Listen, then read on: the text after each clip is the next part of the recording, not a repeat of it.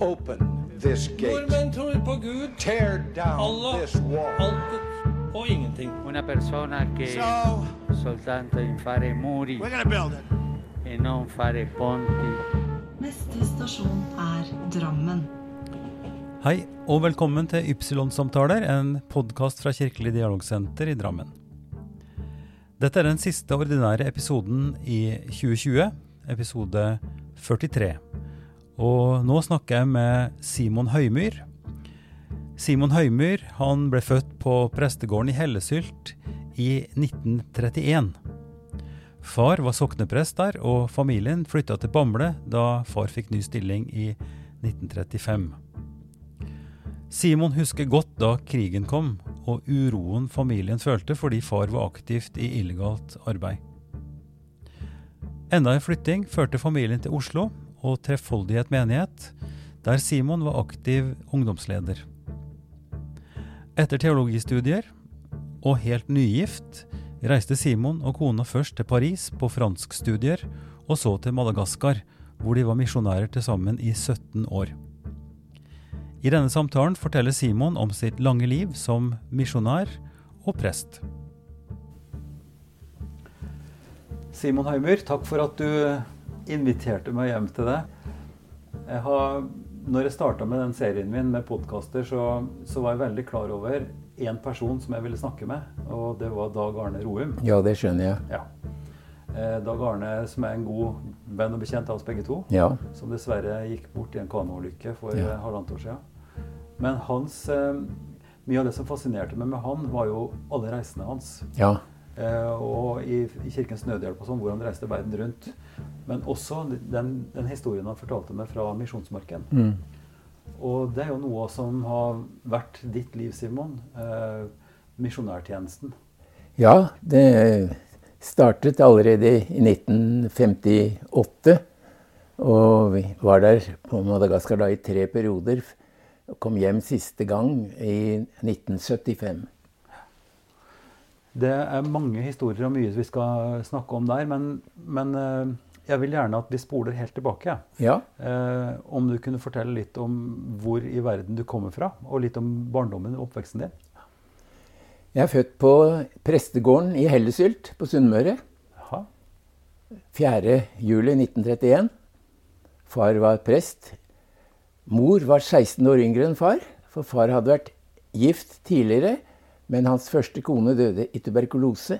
Ja. Og tre-fire år senere giftet han seg da med min mor. Ja. Så jeg vokste ja, De første to-tre årene var i, på Hellesylt. Mm. Så ble han sogneprest i Bamble i Telemark. ja. Og det var egentlig der jeg hadde den vesentlige delen av oppveksten. Det er ikke så mye igjen av Hellesylt-dialekt. Nei, den forsvant veldig fort. Men jeg husker eh, da menighetsrådet i Bamble skulle samles første gang, så skulle jeg være veldig hjelpsom og grei. Og så sa jeg til dem Nå må dere vær så god sete dere ned. Så, Ja. Men det ble fort plukket av meg, så jeg fikk en brei Bamble-dialekt. Med gutter og, Ja, og ja, sånne ting. Ja. Var det noen storsøsken som passa på deg, eller var det fors øh, hadde du Jeg var den eldste. Ja, ja. Og jeg hadde en bror som var bare halvannet år yngre. Mhm. Og så etter hvert tre søstre. Eh, broren min er død, og den mellomste søsteren er også borte. Men min eldste søster og yngste søster lever begge. ja. Så dere har sterke gener? Ja, jeg tror det. Men foreldrene mine døde begge i, da de var 74 år pga. kreft. Kreft, ja. Det er, ikke, det er ikke bare nå at vi Nei, sliter med det. Og man visste naturligvis at det var kreft. Men jeg tror også bakover i tid at det var mange som døde av vondt i magen eller et eller annet. At det Å ja, var veldig uklart hva. Altså det er ikke så, var ikke så godt diagnostisert og Nei. sånt helsevesen. Sånt. Nei da, man har kommet veldig mye lenger nå. Mm. Men eh, Simon, hvordan var det å være, vokse opp som prestesønn? da? Prestebarn, er ikke Jo. det et, et stigma? Det var for så vidt greit. Det var jo en del som, eh, som mobbet meg litt, da. Men eh, jeg tok igjen. Jeg var, kunne være ganske infam. Fæl til å erte. Ja. Ja. Og så men jeg hadde en fin tid på skolen. Vi gikk annenhver dag. Fådelt skole. Jeg begynte å lese ganske tidlig, så jeg hoppet over en klasse. Så jeg gikk rett fra første til tredje klasse. Men fådelt skole, det betyr altså at skolen var så liten at det var unger med flere trinn sammen? Ja. eh, Første til tredje trinn i ett rom, Ja. og fjerde til sjuende i et annet rom. Hva het skolen? Den het Stein skole, Ja.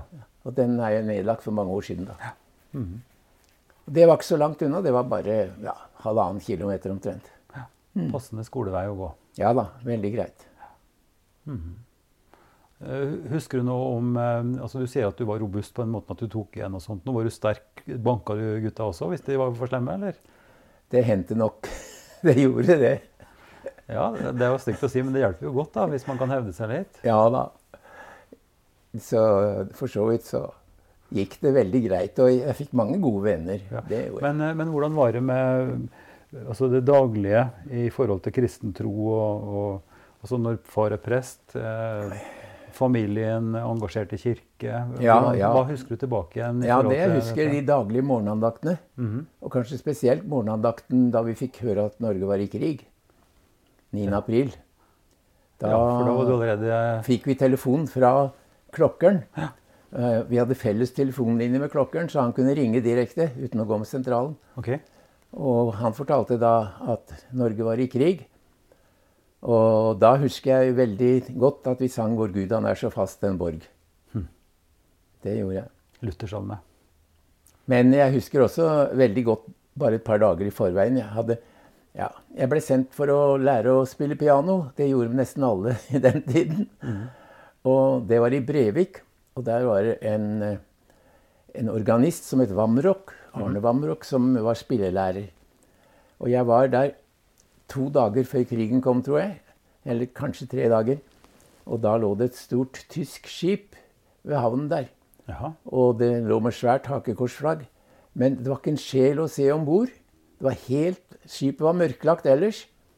Og så fikk jeg høre etterpå da at 9. april så kom soldatene opp fra skipet og overtok eh, Brevik og Stathelle. På den tiden var det ikke bro der, så det var ferje. Så fra da av sto det alltid tyske vaktposter ved ferjestedene. Så det var på en måte en, en invasjon som skjedde før invasjonen? Ja, du kan si det. Og jeg tror det var slik mange steder i Norge. Hvordan eh, var krigen for deg? Hva husker du tilbake fra, fra de krigsårene? Og for, Det- også om faren din som prest, for det, Ja. var, jo, det var jo et, Ja. et skikkelig trykk fra de nye Ja, jeg husker eh, veldig godt eh, krigstiden. Og vi var alltid redd for faren vår, for han kom nokså tidlig med i illegalt arbeid. Vi var alltid redd for at han ikke skulle komme tilbake hvis han ble litt lenge borte om kvelden og sånn. Og, um, og så kom da eh, påskedag 1942, da alle prestene la ned embetene sine. Og vi fikk da telegram, et kjempelangt femsiders telegram fra, tysk- fra Quisling-regjeringen om at vi måtte fraflytte embetet innen åtte dager. Alle som hadde nedlagt sine embeter. Så ja, da, jeg husker at jeg hentet telegrammet på Åby, som var stedet hvor det var telegrafstasjon og post. Det var ja, 2,5 km unna. Og da jeg kom hjem, så sa jeg ja vel, da er det vel å begynne å pakke, da. ja, vi Så dere måtte faktisk flytte fra prestegården? Nei, altså, det viste seg at eh, det var så mange som nedla embetene sine at det ble ikke, ble ikke nødvendig. Men vi hadde da i full fart sendt møblene våre på sleda opp til eh, en gård langt oppe i, i, i bygda. For at møblene skulle være i sikkerhet. For jeg vet at de beslagla en god del møbler også der hvor prestegårdene måtte bli fraflyttet. Og merkelig nok så eh, opplevde faren min ikke å bli tatt av, av tyskerne. Og jeg skjønner på en måte årsaken. Prestene rundt omkring, eh, Rolf Godvin Knutsen, far til Børre Knutsen, var i Langsund. Og i Brevik var det Paulus Holm. Begge ble forvist. Eh, men faren min ble det ikke. Og grunnen var nok for det første at de ikke hadde nok naziprester å sette inn. Og for det andre så hadde vi en nazilensmann som på en måte holdt sin hånd over ham, tror jeg. Jaha. For han eh, fant ut det at det ville ikke gi noe godt bilde av ham og hans parti hvis eh, han også tok alle prestene. Så Så han var av de heldige som, Ja. Som Mens kunne fortsette? Eller heldig, det var jo Det måtte jo, Jo, være en del kan de si det. Ja da, så vi fikk bo der. Selv om vi en stund hadde tyskere som okkuperte prestedården eh, noen dager under razziaer mot uh, hjemmefronten. Og der har jeg for så vidt en ganske interessant ting å fortelle. Det var at da tyskerne gjorde razzia, så skjøt de en hjemmefrontmann, for de kom over en leir med hjemmefrontfolk inne i skogene ikke langt unna. Og mm, under flukten så ble en eh, norsk gutt også drept ved vådeskudd. Og, men far og hjemmefrontfolka da, etter at tyskerne var reist, de dro, og da fant de den som var skutt av tyskerne, bare liggende i ei leirsuppe, avkledt. Den andre fant de jo med alt intakt, da. Og, men i all hemmelighet så ble begge to eh, ført hjem til eh, prestegården. Og så midt på natta, i tretida om natta, så holdt far begravelse bak de gamle kirkeruinene. I lysskinnet fra et stearinlys som moren min holdt over ritualet for de to. Og han var eh, også engasjert som kurer for den midlertidige kirkeledelse. Og han, det var jo ikke eh, mulig å kjøre bil på den tiden, så han sykla. Og hadde ofte lange avstander. Han syklet f.eks. helt til Arendal, og det er ganske langt. Er. Så han ble veldig, veldig sliten mot slutten av krigen. Så det var sånne ting som eh, Nei, for du var såpass stor, og du, du Ja, var disse altså klare det, det med den begravelsen av disse to, det fikk vi ikke vite. Jeg fikk bare eh, se at det sto et par ukjente gummistøvler på kontoret til faren min og spurte hva det var. Han sa at dette, det skulle jeg ikke spørre mer om. Nei, nei. Ja da. Nei, nettopp. Men uh, la, oss, uh, la oss spole litt videre. For Ja. din, du sa at du begynte å lese tidlig. Du leste mye, var en, Ja. eh, tydeligvis en gluping. Hvordan gikk skolegangen videre for deg? Jo, det gikk for så vidt veldig greit. Da jeg var 13 år, så begynte jeg på realskolen i Langesund. Som yngste elev, selvfølgelig, og det var jeg hele veien oppover. Det var ikke bare bare enkelt. Men eh, jeg hadde jo ikke hatt noe språk. Det var ikke språk på folkeskolen i landet på den tiden. Nei. Og da var det full fart med å lese tysk. Det var tysk i stedet for engelsk.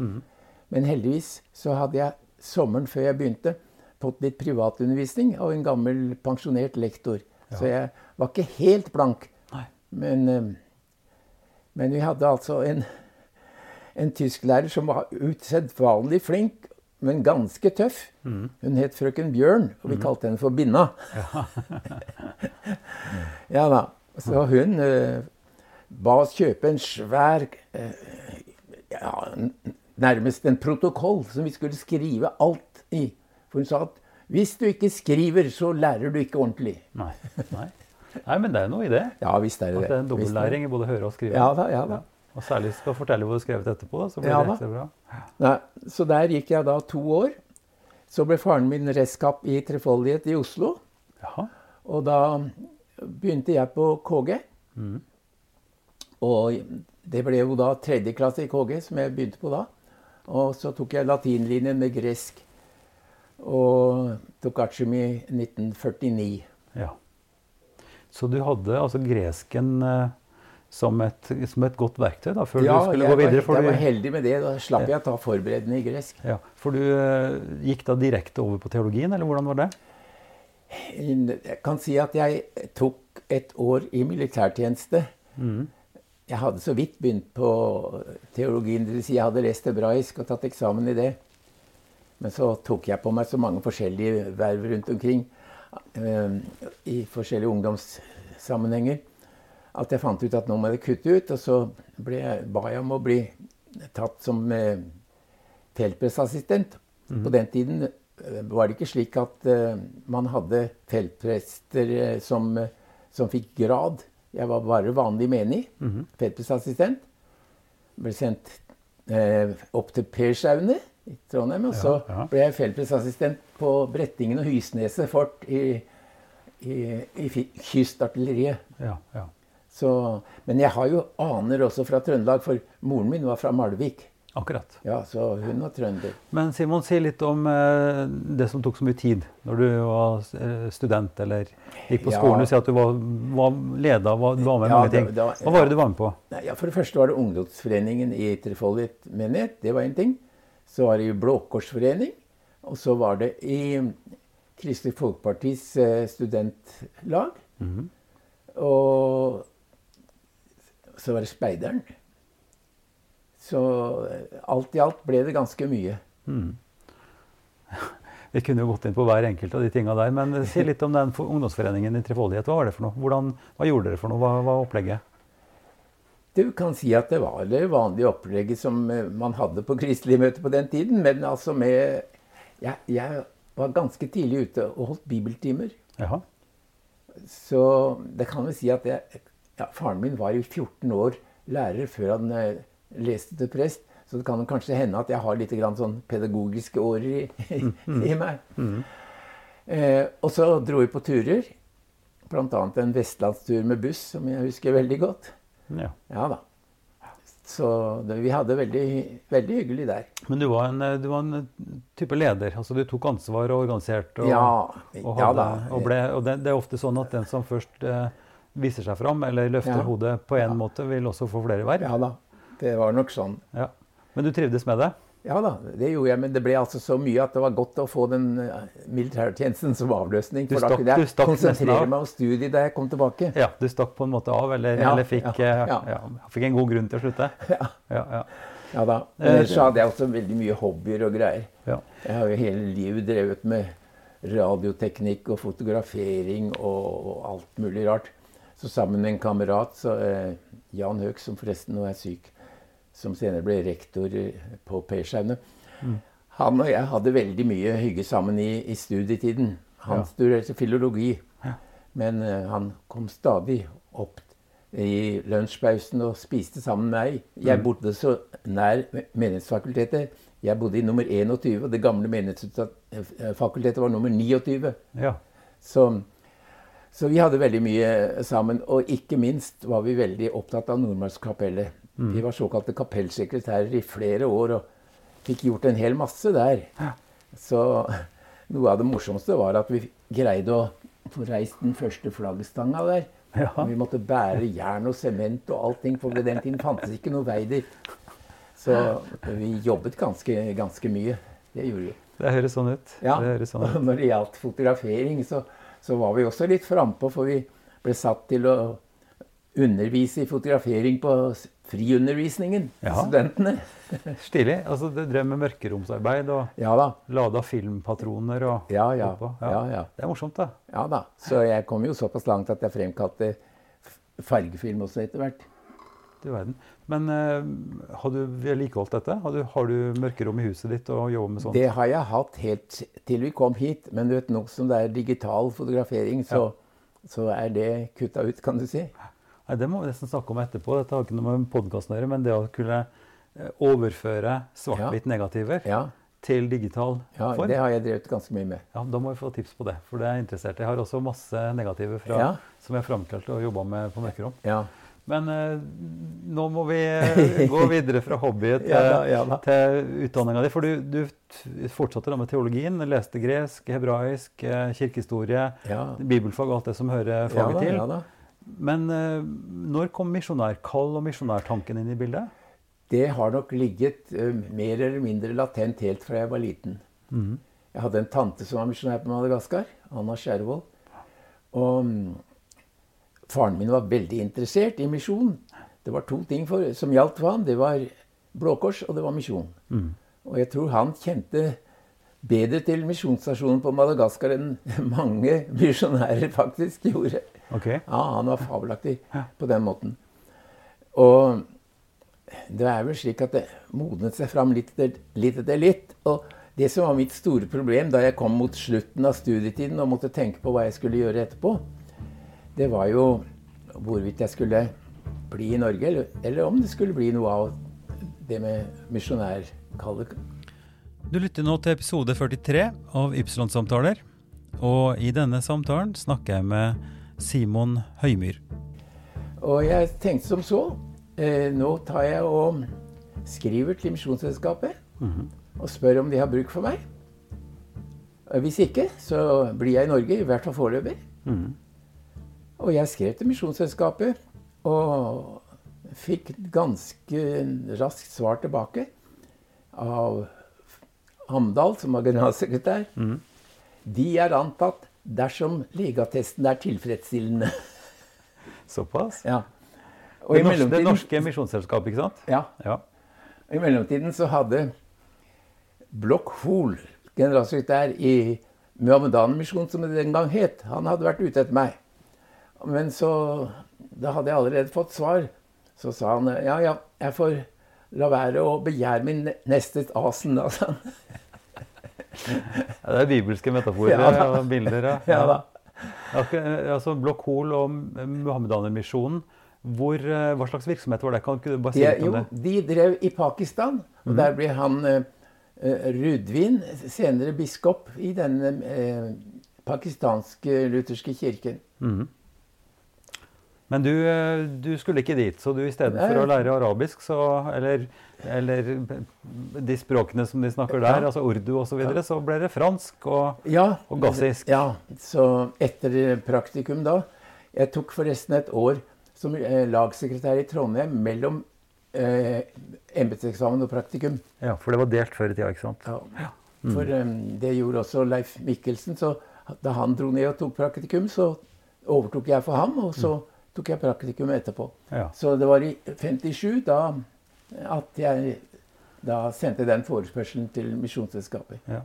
Og Men dette, dette blir jo et ganske, ganske detaljert bilde, men jeg syns det er kjempeinteressant fordi eh, nå skrives det jo mye, og har vært mye snakk om misjon og imperialisme. Ja, ja, ja. Misjon som en del av den vestlige kulturen som har blitt eh, som har vært en slags, eh, om ikke en svøpe, så i hvert fall vært et slags instrument da, for, for vestlig politikk Mm. Mm. og økonomi osv. Og, så og det vet vi jo ganske mye om. Eh, Men eh, den siste boka som, eh, som jeg leste nå, Terje Tvedts 'Verdenshistorie', som en veldig fin bok på 350 sider, som, som gir et veldig sånn overordna rist. da. Og Terje Tvedt er jo en interessant fyr på mange måter, men han er jo veldig påpasselig med å si at misjonen, misjonens evne til å jobbe med språk, til å bevare eh, eh, det muntlige språket, og også være med å utvikle skriftlig språk, ta vare på eventyr, tradisjoner og sånt nå, Ja. Eh, er en, en veldig vesentlig ting. Så det er, ikke, det er vanskelig å stemple noe som bare entydig. Ja. Altså misjonens eh, behov for og ønske om å utbre evangeliet, Ja fortelle om, om Jesus Kristus Ja. osv., eh, er også det er en ganske svær pakke. ja, absolutt. Så hvor, hvor mye av dette var du bevisst på det tidspunktet når du, Du- tok de beslutningene? Før jeg ble sendt ut, så var jeg tre måneder i Stavanger. Og der fikk jeg en oppgave å skrive nettopp om de tingene der. Ok. Ja. Eh, Så jeg må vel si at den oppgaveskrivingen gjorde meg i grunnen ganske oppmerksom på de tingene der. Det tror jeg jeg kan si. Så giftet vi oss da 13.11.57, og tre dager senere så dro vi til Paris og leste fransk fram til juli neste år og tok eksamen i fransk da, før vi dro ut. Og reisen tok, tok en, en måned og tre dager. Vi måtte dra med båt, vet du. Ja. Først Men, men, men si litt om Paris, da. Ja. Å komme fra Stavanger eller Oslo til Paris er også en ganske stor eh, endring. Ja, det var det. Vi bodde på et eh, sentrum, eller et senter for eh, student, misjonsstudenter, kan du si. Ok. Eh, drevet av en amerikansk eh, misjonærfamilie. Ja. Eller kanadisk var det kanskje. Men eh, det var veldig interessant, og jeg syns vi lærte veldig mye. For på Alliance Française, hvor, vi, hvor vi gikk, der var de veldig flinke. Det må jeg si. Så vi lærte ganske mye.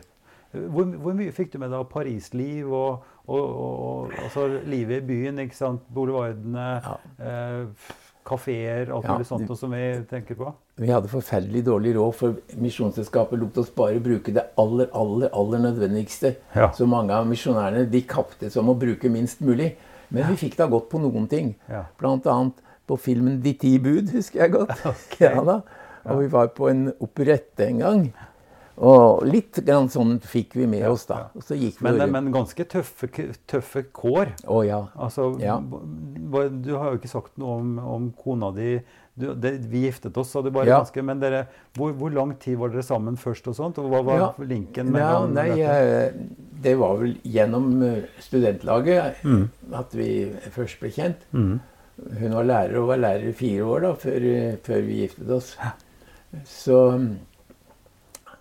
For, for det er også en, en, en ganske stor ting for en ektefelle å, ja å, å gå med på et sånt opplegg. Ja, for det er jo ikke akkurat det er ikke kjære mor. Nei, og, Og jeg vet også, unnskyld, men jeg jeg har lyst til å si også at Dag Arne var veldig tydelig på at, at det var misjonæren som var det viktige. Og uavhengig nærmest av utdanning og kompetanse av, av kona, så ble det nesten bare sett bort fra.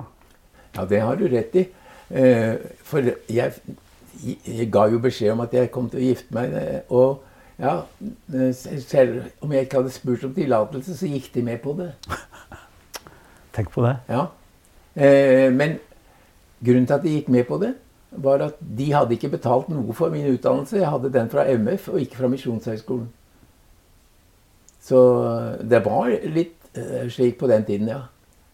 Men, det, det er nesten ting- uforståelig nå. Det er Ja, helt uforståelig. Ja. Ja, ja da. Og, og, gå med på det også, liksom, og akseptere det. Da måtte motivasjonen være veldig sterk. Jo da. Det var ikke noe du bare gjorde for eventyrlyst. eller Nei, fordi at det var morsomt. Dette var en, ikke. et livskall og noe som du Ja. virkelig måtte eh, Jeg vil tro at dere måtte snakke mye om det. Ja, det, det gjorde vi virkelig. Kan du gi, bare gi oss noen bilder av hvordan dette var for dere personlig? Ja, for Reidun ble det jo ekstra vanskelig på én måte, for hun opplevde ikke å ha et sånt spesielt misjonærkall. Så jeg husker da vi eh, reiste med båt ut på den lange båtreisen, eh, så gikk jo jeg på dekk og ville gjerne se første blikk av Madagaskar. Men da holdt hun seg nede. Ja. Men eh, det ble jo noe helt annet da vi kom i land og kom i gang med, med språkstudium der og sånn. Ja. Men, men når, dere, når dere snakker om dette altså lytter, Mange av lytterne mine har jo ikke noe, noe spesielt forhold til, til, til kristen tro eller til misjon og sånt. Og en hører på det som en slags kanskje en, en nokså negativ kategori. Ja. Um, men det å skulle bryte opp uh, fra eget land Mm. Podkasten er jo ofte det motsatte perspektivet. Kom, Ja. Folk som kommer til Norge og møter en ny kultur Ja. her og skal integreres på en måte. ja. Mens dere uh, drar jo ut ikke for å finne et nytt livsgrunnlag og for å finne nytt fotfeste, men for å komme med noe. ja. Eh, og, og på en måte bibeholde, vil jeg nesten si. ja. Eh, er både verdier og kanskje litt livsform og alt mulig også. Eh, dette syns jeg er interessant. og altså, Vi kan snakke om teologien og Ja. misjonskallet, sånn sett, men hele den fornemmelsen av at du drar ut med noe som du skal på en Ja. måte forandre folk med, da, Ja. for å si det sånn. Og samfunn kanskje også. Ja, jeg kan vel si det at det var ganske grunnleggende det at eh, Misjonsselskapet eh, tok imot meg. For på den tiden var det mange som hadde ventet hele krigen gjennom på å bli sendt ut. Og, og jeg tenkte som så Hvis virkelig Gud vil at jeg skal dra ut, så åpner han en utvei. Hvis ikke, så er det greit. Så, men da jeg først ble godtatt, og så var det aldri noen tvil hos meg lenger, iallfall. Nei. Og Du opplevde det som en helt sånn personlig overbevisning og som en direkte beskjed, nærmest? Ja. Eller at dette vil Gud at du skal gjøre? Ja, akkurat. akkurat. Mm. Det var jo akkurat som Paulus og Barnabas i Antiokia. Det at de, de ble, hadde jo Guds kall, men de ble sendt ut av menigheten også. Ja, ja, et, ytre, ja. et indre og et ytre kall. Ja. Så det ble Og- det og- ytre kallet, kan du si. Ja. Og dette er jo veldig subtilt og, og sikkert vanskelig å, å si noe veldig bestemt om. Men at en sånn overbevisning vokser fram, Ja. eh, hvordan kan det beskrives? Altså, jeg vil jo tro at det er, det er mange elementer i det også. Det er Ja ikke bare én ting. Ikke sant? Det å skulle få reise ut, Ja. det å få lære språk, Ja. det å skulle oppleve en helt ny verden. Alt dette er jo, må jo være attraktivt og interessant også for et ungt menneske. Det er både attraktivt og skremmende. Ja, det vil jeg tro. Men jeg ble jo ordinert til misjonsprest eh, under generalforsamlingen i Stavanger 1957 av biskop Arne Fjellbu. Og det vil jeg nok si også var en veldig god ting å ha med seg, for han hadde en virkelig grundig samtale med meg. Jeg hadde allerede hatt samtalen med Smemo, for det var jo min biskop i Oslo. Men eh, Fjellbu sa det, at jeg vil gjerne kjenne dem jeg ordinerer, selv om jeg har full tillit til min kollega Smemo. Ja, ja, ja, ja. Hva la han vekt på? Hva, hva la han vekt på i den samtalen? Husker du det? Det var nok hvor sterk overbevisningen var om at dette var riktig. Å bli prest, først og fremst, men også det med å bli misjonær. Det vil jeg nok si. Fordi han kjente kostnadene eller Ja, belastningene? jeg tror og Jeg tror det. det. Og et par år etter at vi kom til Madagaskar, så sendte jeg en hilsen til ham, skrevet på ordinasjonsdagen. Og jeg fikk et veldig hyggelig og varmt brev tilbake. Og det var nokså like før han døde. Så du var overbevist, du fikk med deg kona di på dette. Dere hadde en langt studieopphold i Paris på enkelt vis, og så om bord i en båt. Ja. På en reise som tok over en måned. Ja, eh, fra og med vi dro fra Norge. Først med båt til Danmark, så studentfly til, til Paris, og så tog til Bordeaux, hvor vi tok båten. For man fikk ikke lov til å gå om bord i Norge, selv om båten kom fra Norge, fordi man skulle ikke konkurrere med europeiske transportselskaper. Og så i båten i Bordeaux. I Bordeaux, ja, og så rundt Afrika. Innom eh, to havner underveis, eh, Casablanca og Dakar. Før vi kom til Jurari i Madagaskar. Og hvordan gikk eh, dagene og ukene på båten? Du, det gikk eh, i grunnen eh, veldig fort. Vi hadde det veldig bra om bord. Og to av søndagene hadde jeg gudstjeneste på dekk. ja, Det hadde du vel? Ja da. Akkurat. Ja, Men si litt om eh, møtet med Madagaskar for dere begge to. Ja, vi kom jo da til eh, havnebyen Tular, helt syd i Madagaskar. Og der ble vi møtt av eh, norske bygningsmisjonæren og kona. Eh, og ja, vi reiste forresten sammen med norsk misjonær Martha Løtveit. Så mm, de første gassiske ordene lærte vi der på båten. Men så- du sier bygningsmisjonær. Altså, jeg vet jeg har en antydning om hva det kan være, men det fins mange forskjellige misjonærtyper, da, med andre ord. Ja, absolutt. Si litt om det.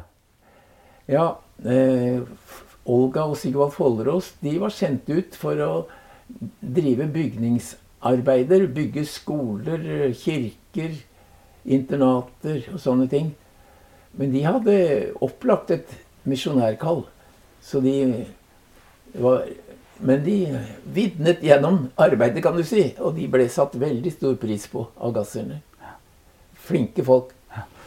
Og vi kom da dit. Men så fikk vi høre at nå skulle det være en avstemming om Madagaskar skulle løsrive seg fra, Frank eh, fra Frankrike. Eller om de ville bare bli en republikk under fransk overhøyhet. Eh, avstemningen ble bare gitt noen dager senere, så vi måtte skynde oss å reise med buss gjennom, opp gjennom hele Madagaskar til vi kom til Betafo etter tre dagers reise. Og så ble avstemningen holdt, og så så vi for første gang etter et par dager det gassiske flagget. Men det ble altså en republikk under fransk overhøyhet. Helt selvstendig ble de først 26.6.1960. Ja. Dette var altså oktober 1938. Ja. Og på eh, Betafo, den første norske misjonsstasjonen, som eh, var bygget av misjonsprest Eng tilbake i 1869, tror jeg det var. Mhm. Der lærte vi Leste vi gassisk, men det var veldig utilfredsstillende måte å lese gassisk på på den tiden. Vi måtte selv finne fram til en privatlærer. Og vi fikk en som sikkert var flink, men kona var syk av kreft, og det ble veldig, veldig lite undervisning. Det, vi var der faktisk fram til mai 1959, og da ble vi sendt ned der hvor vi skulle arbeide på vestkysten. Ja. Loser-tribina. Men jeg må vel si at jeg lærte vel mest fransk, nei, gassisk med å, med å leve blant gasserne, holdt jeg på å si. Med Ja. å være der. Ja. Og det er, jo, det er jo så klart Den dynamiske læringa er jo veldig effektiv, men det å ha strukturert Ja. hjelp med både grammatikk Ja, og, og struktur og sånt, er jo Ja, det har veldig mye å si. Eh, Senere fikk jo misjonærene ordentlig språkskole der ute. Men, men si litt om stasjonsstrukturen. Fordi Ja. eh, Norsk Misjonsselskap på, på Madagaskar hadde flere Ja. misjonsstasjoner og en lang historie, som du nettopp sa. ja. Eh, er det, det er et hoved, Ja. et hovedsete, ikke sant? ja, du kan si det. Eh, si, Du si kan si litt om pro prostisete. Ja, ja. Eller en slags leder, altså et, et sted, et sentrum hvor, eh, hvor eh, ledelsen var, og hvor Ja. misjonærene også bodde, og hvor Ja. det var flest misjonærer. For det var ganske mange misjonærer ute da. Ja. Eh, på den tiden vi kom ut, så var det vel mm, med alle de voksne eh, ca. 120, tenker jeg. Ja, ikke sant? Ja. Det var en helt annen tid enn enn nå. Men eh, der vi kom, i Beloser Tribina, ved en av de største elvene på Madagaskar, der var det vi, og så var det en, en norsk lærerinne som hadde jenteinternat og undervisning for jentene. Eh, men det var en vanlig eh, skole også på stasjonen, men der var det, eh, var det gassiske lærere da. Mm. Og jeg da fikk da ansvaret for, for menighetene rundt omkring. Dvs. Si, de, eh, i området var det vel åtte-ti menigheter, men tre, tre gassiske prester som hadde mange småmenigheter som vi hadde tilsyn med. Mhm. Og jeg var såkalt distriktsstyrer. Kan si noe slags prostestilling. Mhm. Så jeg måtte reise rundt og besøke menigheten og, og prøve å gi opplæring og slik.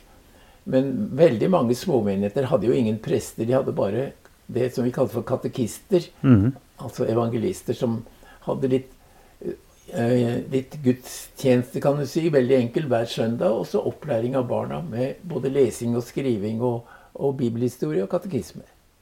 Hvordan var dette i forhold til, til lokale skoler? Eh, Ja, mange steder var det ikke lokale skoler. Så det ble en slags de facto der. opplæring ja, gjennom disse ja. menighetene? Ja. Eh, og så var det noen skoler som ble drevet av kirken, som ble kalt for garderier. Det kan si det var nesten, nesten fra barnehage og oppover i eh, første trinn i småskolen. Mm. Men eh, det var også i de, de litt større landsbyene så var det ofte statsskoler. Og i de aller største byene så var det katolske skoler også. Mhm. For det var, ikke bare, det var ikke bare norsk luthersk misjon som var på Madagaskar, det var katolsk misjon Ja og alle avskygninger vel av, Ja, av kristne kristne Ja da, og engelsk eh, misjon var Men det var særlig oppe i høylandet. På Vest-Madagaskar, hvor vi var, så var det nesten bare norske og katolske misjonærer. Eh, Si litt om det prakt, praktiske når dere nå kom dit Ja. Eh, og skulle etablere dere på den stasjonen som du ble utplassert på. ja. Eh, hvordan, hva slags forhold var det for deg og kona? Hvordan var det å leve der praktisk? Det var jo ikke strøm, ikke innlagt vann. Og vannet ble hentet av oksekjerrer i tomme oljefat fra elva. Så det måtte stå i flere dager før, før alt eh, sank til bunn av, av jord og, og søle. Det ble brukt til vaskevann. Men så hadde han som var forut for oss, han hadde bygget en sisterne til oppsamling av regnvann. Så det var det vi brukte til drikkevann. Ja. Men vi måtte koke vannet da. Men, men hvor mye nedbør kunne det være i området der? Ja, ja det, det var veldig lite nedbør egentlig. Eh, Iallfall varte tørketiden lenge. Men når vi kom ut i november, så kom det gjerne regn. Og da var det veldig viktig eh, at eh, det var, sisternen var rengjort. Det var et fryktelig jobb å gå ned i den sisternen i den varmen der. Men eh, Så det var sisternevannet som vi brukte da. Og da kunne dere samle opp så mye i den sisternen at det varte Ja, over måneder? Ja, for eh, det gikk på, eh, veldig greit fordi i den verste varmetiden så måtte vi dra med fly opp til Innlandet ha Vi hadde faktisk ti uker i verste varmetiden i Innlandet. For det var helt umulig å reise i, i regntiden. Eh, For da var alle veier brutt. Ja. Så da var flyet eneste framgangs... Eller måten å komme seg rundt på. Mm. Og selv flyplassen var jo da bare ofte helt, helt full av søle. Så det var en, mange ganger flyene ikke kunne lande også. Du lytter nå til episode 43 av Ypsilon-samtaler. Og i denne samtalen snakker jeg med Simon Høymyr. Hvor langt var det fra stasjonen din og til flyplassen, da? Nei, flyplassen var faktisk i, rett utenfor byen. Ja. Mm. Så det, det var helt Nei, fordi jeg forsto på Dag Arne, han fortalte at de bodde veldig avsides. Ja, De hadde liksom lang, lang bilreise med tilsvarende problemer ja, med men det er en liten flyplass der også. Ja, Akkurat. Ja. Ja. Mm. Mm. Ja da. Nei, så, så det praktiske der med vannet er én ting, ikke noe, ikke noe strøm. Nei, og, ikke noe og, sånt. og det var veldig varmt der. Jeg husker når jeg skulle skrive i Vi hadde jo kirkebøker der også. Jeg hadde kontor nede i underetasjen. Huset var jo et jordhus da, med bølgeblikktak. Eh, Og da var det så varmt at jeg måtte ha et trekkpapir under hver albue når jeg drev og skrev. For at det ikke skulle flyte helt utover i den protokollen. Ja da. Og det praktiske med hus og mat og, Ja, og alt sånt det kunne Ofte være vanskelig, men ris fikk vi jo alltid. Og ah, så fikk vi alltid, så godt som alltid, tomater der. Andre grønnsaker var vanskelig med. Mm. For det kom gjerne fra Innlandet, hvor de hadde både poteter og gulrøtter. Men ellers gikk det veldig mye på ris, da. Mm. Og Var det kona di som bestyrte kjøkkenet, eller hadde dere hjelp? De vi hadde, vi hadde hjelp, og vi måtte nesten ha det for det kjøkkenet var et bitte lite rom ved en norsk komfyr, vedkomfyr. Og der ble det jo 50 grader minst. Og vi hadde da en som hjalp oss der med å skaffe ved. Men så var vi så heldige også at vi fikk fra noen venner i Norge en, en gasskomfyr. Ja. Og den hadde vi selvfølgelig mye glede av etter hvert. Men, eh, men det kjøkkenet var vel nok det varmeste rommet, ja. Veldig lite. Du verden. Ja, og, men eh, du sa ikke så veldig mye om den sentrale eh, stasjonen. Ja, Eh, For Si litt om det også, for jeg har jo eh, venner som også var ute som Ja, barn. ja. Eh, eh, Årvik, ja, som kaller deg for onkel, ja. Og har gode minner fra den tida. ja. fra, fra deg. Ja, Faren hans var jo akkurat på den stasjonen. ja, ja, nettopp. Eh, Si litt om stasjonen. Den sentrale stasjonen. Ja, han var eh, i Berot Sirubina, men ellers er jo det virkelig sentrale det var jo i Morondava, der vi var to perioder senere. Mm. Mhm. Og det var et, det var et stort eh, med, med, med skoler, med, med utdanning for misjonærene og sånt, eller eh, internat for barna? Ja, Internat for, for, for gasserbarna, ja. Jenteinternat. Mm. Det var i, i Belo. Der var det ikke gutteinternat.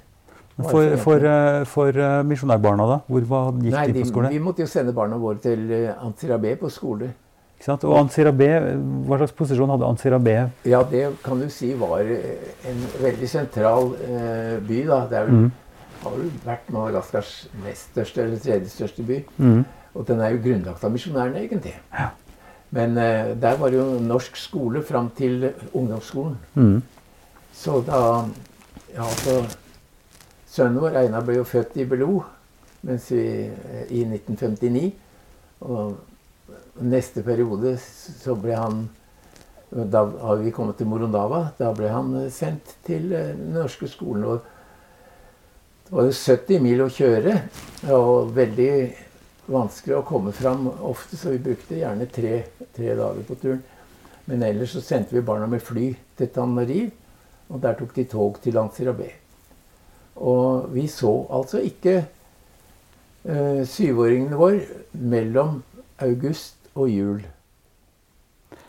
Dette har jo vært et, til dels et traume og, Mm. og hatt, eh, vært en del fra, Ikke nå de siste åra, kanskje, men, men hele problematikken eh, rundt den avstanden og, og det, den utfordringen, for å si det forsiktig, da, Mm. både for barna og for dere. Ja.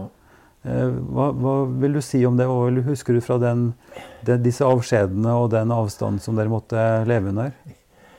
Ja, vi måtte jo også sende de neste to barna også til eh, barneskolen. Vi var i grunnen veldig heldige. For eh, barna våre trivdes for det første. Ja, Det var litt vanskelig for Einar, som var den første og ikke hadde eldre søsken. Men for de to som kom senere, de hadde jo han som storebror. Og det var en veldig hjelp. Det var det. Og så var vi litt lure. Eh, når, da vi var oppe med dem og skulle reise ned igjen til kysten, så så gjorde vi det ikke slik at, at vi reiste fra dem, men vi ga dem litt penger så de kunne kjøpe litt godteri. Så tok de en, en puss-puss, en sånn rickshaw, og så kunne de gå og kjøpe seg litt godteri. Og så visste de at eh, når det var gjort, så var vi reist av gårde. Så var det de som reiste fra oss, på en måte. Ja, akkurat. Ja.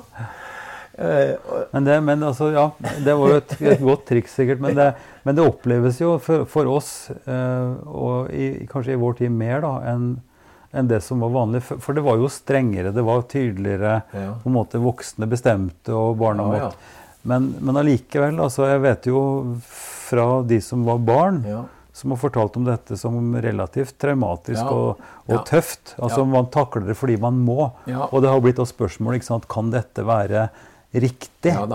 Og jeg vet også Dag Arne og familien sleit jo også både med helse og, Ja. og forskjellig. Men det, det må sikkert dere ha tenkt mye på og bearbeida på forskjellig måte. Ja, jeg kan jo si det at mye av de tankene kom jo faktisk etter at vi kom hjem for godt. Men eh, Fordi jeg, jeg vil si at de, de hadde veldig bra folk på internatet og på skolen Mm. på den tiden våre barn gikk der. Ja. Det vil jeg absolutt si. Mm. Og barna våre trivdes.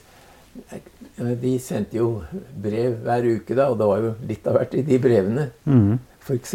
Da, da Inger, den største av jentene, eh, hun var ni år og, og sendte brev hjem og sa at 'jeg er visst blitt kjederøyker, for jeg har røkt en sigarett bak skolen'. hun måtte tilstå. Hun var alltid sånn hun skulle tilstå alle ting. Ja, ja. Da. Nei da, men eh, de, de hadde gode venner. Og når ikke vi kunne komme opp, f.eks. i påskeferien, så var det slik at misjonærer som kunne reise med bil, ofte tok dem hjem og lot dem få oppleve påske sammen med dem. Mm. Det, så det var veldig fint samhold blant misjonærene. Men jeg må jo si at det er veldig forskjell både på barn og, og foreldre. Mm. For det var jo noen foreldre som Ja, som viste liksom altfor tydelig hvor forferdelig det var.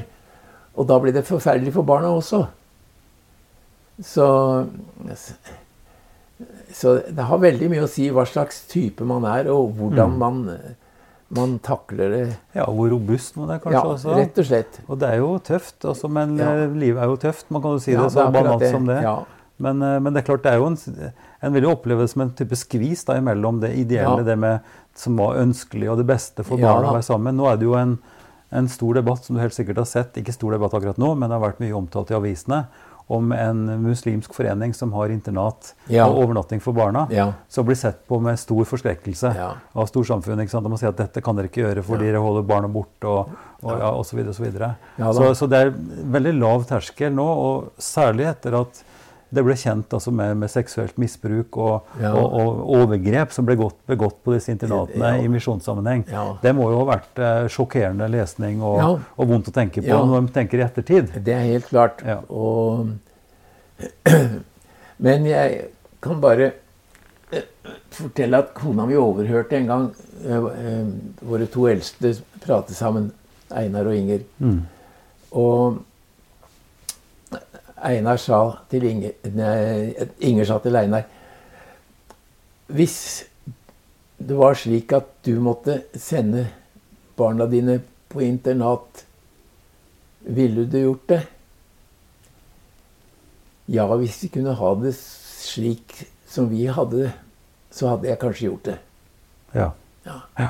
Og det tyder på at de har ikke fått varig men, i hvert fall. Nei, nei.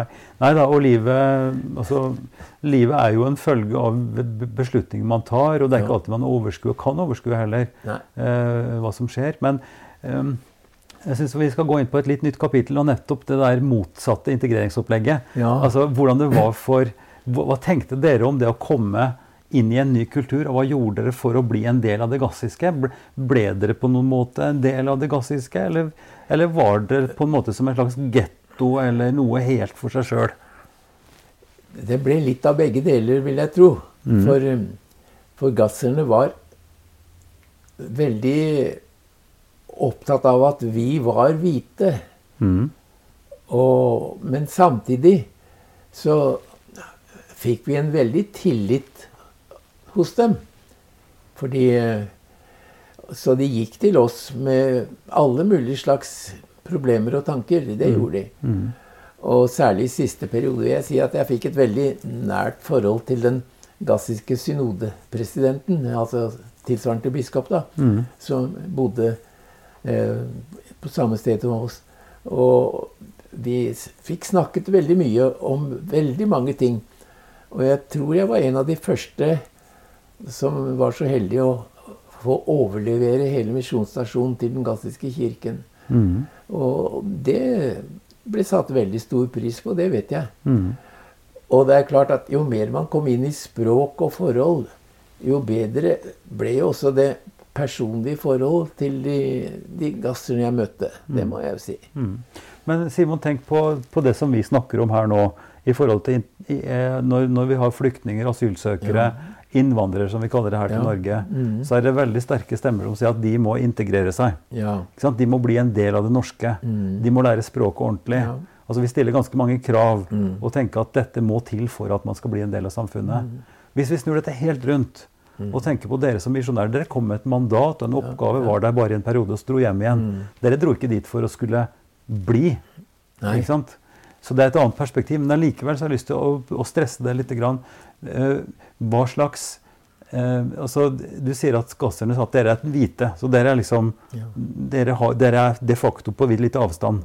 Mm. Men, men i hvor stor grad føler du at, at det var altså den, den, det samrøret, da, eller det fellesskapet med menighetene? For det var jo Mm. Ja. felles kristen Ja, ja, eh, tro osv. Jeg dro stadig på turné. Og Ja, og i, i, hvor, I hvor stor grad var det personlig også kontakt og, og en følelse av at dere ble nær de gassiske tradisjonene, språket, fortellingene, måten å tenke på osv.? Jeg vil nok si at etter hvert så kom vi nærmere og nærmere inn på det. Og når jeg kom så langt at jeg kunne bruke litt som litt, litt både spøk og ordtak på gassisk og, og sånn, så, så følte man at man eh, hadde en veldig, veldig god kontakt. Mm Eh, det må jeg nok si. Men eh, hele tiden så var det jo sånn at vi på en måte ble en overklasse. Ja. Jeg må si det. Ja. Eh, for å være ærlig. Mm. For eh, vi kunne jo ikke leve på, helt på samme måte som gassere. Det, det, det er I hvert fall ikke rundt omkring i landsbyene. Vi kunne ikke det. Fordi det var så utrolig enkelt for de. Ja? De levde på så minimale Ja, ja. forhold. Ja. Og eh, på en sånn måte at det var ikke mulig i det hele tatt. Det, det jeg, må jeg nesten si. Ja, og, det, det skaper jo helt andre bilder og en helt annen virkelighet enn det vi tenker på nå. Ja. Altså fordi vi, vi tenker jo at her skal det være et likeverd og et fellesskap hvor man har de samme mulighetene. Ja. Sjøl om det vel også er riktig å si at, at det er mange, altså fattigdommen i Drammen f.eks., familiefattigdommen, er jo også mye knytta til innvandring Ja, og til Det kan jeg tenke meg. Sånn at det er det motsatte her, da. Ja. Men, men altså hvis, vi, hvis vi er så frekke som å spørre etter hva er gassiske verdier For nå sier vi norske verdier skal ikke bli trua av, av innvandrere. ikke sant? Eh, var det sånne følelser? Følte, altså hadde de på en måte sitt verdisett eller ting som, som var i en slags opposisjon? Eller altså bare gnisninger? Én ting er det imperiale og det franske, franske overherredømmet og det vestlige. ikke sant? Som er asymmetrisk. ikke sant? Da har du overklasse, styring, makt osv.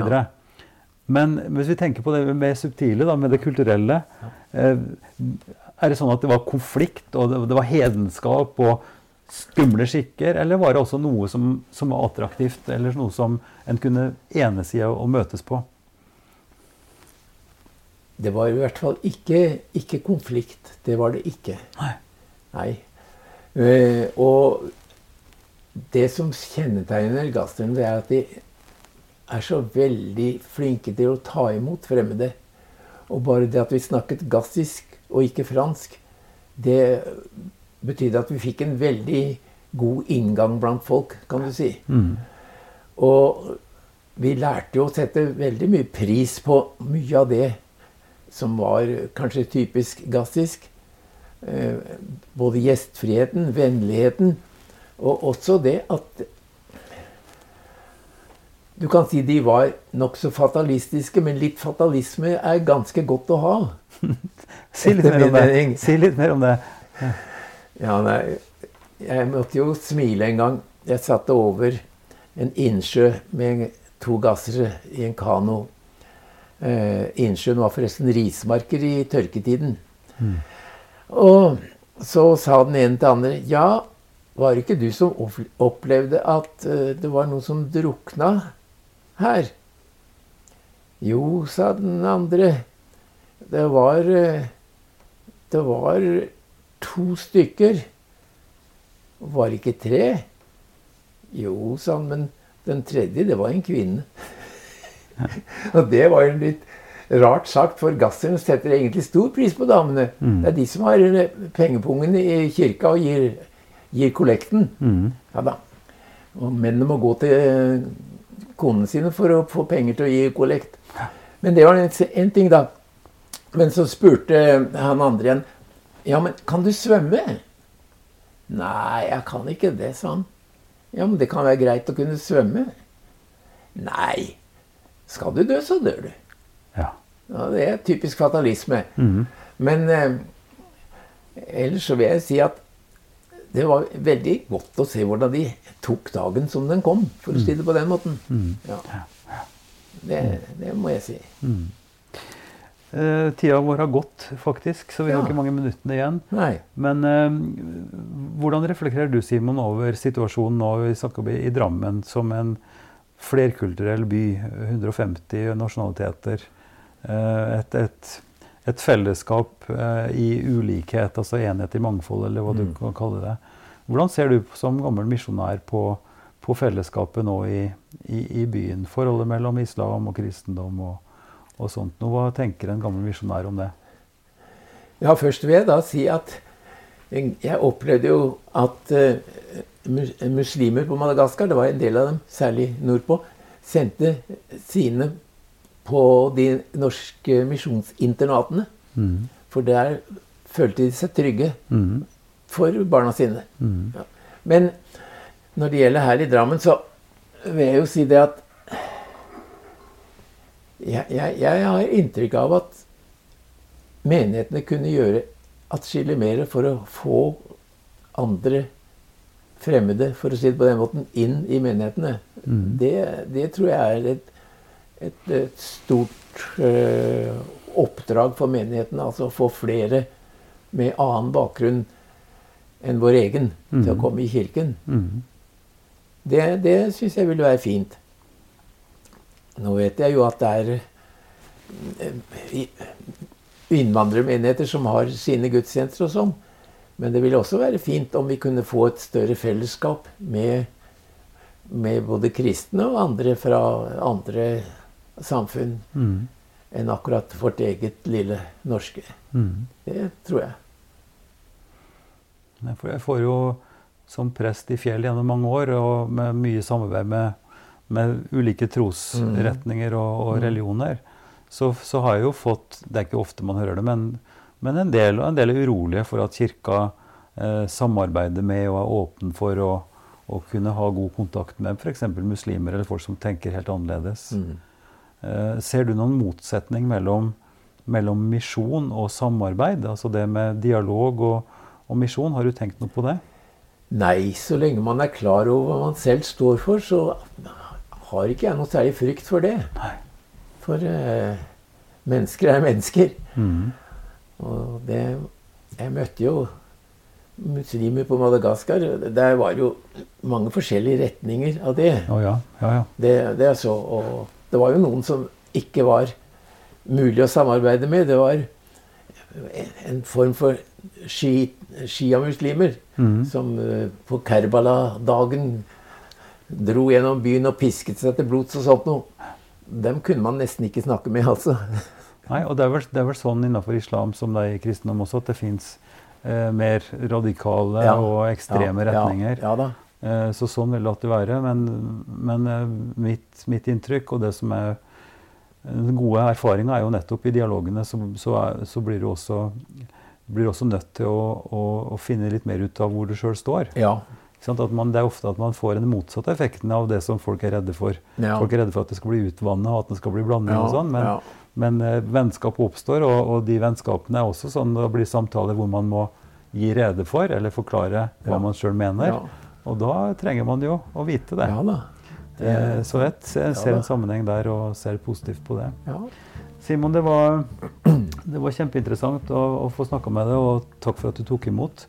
Em, på pressesamlinger og sånt så har jo du vært den store eh, tryggheten i forhold til når vi leser evangelieteksten på gresk, så kan du alltid gi eh, godt svar på hva som egentlig står. Altså det, Fra det greske Nyttestamentet, leser du fortsatt Bibelen på gresk? Ja, jeg, jeg gjør det. Pleier å gå gjennom tekstene. Men eh, av en eller annen grunn så har det ikke blitt så mye at jeg har møtt fram på de samlingene nå. For jeg syns på en måte at, at jeg er blitt såpass gammel at det er bedre at de yngre overtar. De gamle er eldst, vet du. Ja ja, på enkelte måter, men Men Simen, takk for, eh, takk for en, en god samtale, og takk for eh, at du ville dele alt dette. selv takk. Og lykke til med videre pensjonisttilværelse. Takk for det. Eh, Og så ønsker jeg deg alt godt for tida fram til jul. Takk for at du lytter. Mer informasjon om oss og hva vi holder på med, det finner du på www.ypsilonsamtaler.no. Der vil du òg finne en kort presentasjon av alle samtalepartnere og lenke til episodene. Abonner gjerne på Ypsilon-samtaler i din podkast-app. Vi er veldig glad for tilbakemelding og forslag som du kan sende til Ivar, krøllalfa, kirkeligdialogsenter.no. Podkasten er støtta av Drammen kommune, Barne- og familiedepartementet og Einar Juels legat. Ansvarlig utgiver er Kirkelig dialogsenter Drammen, ved daglig leder Ivar Flaten.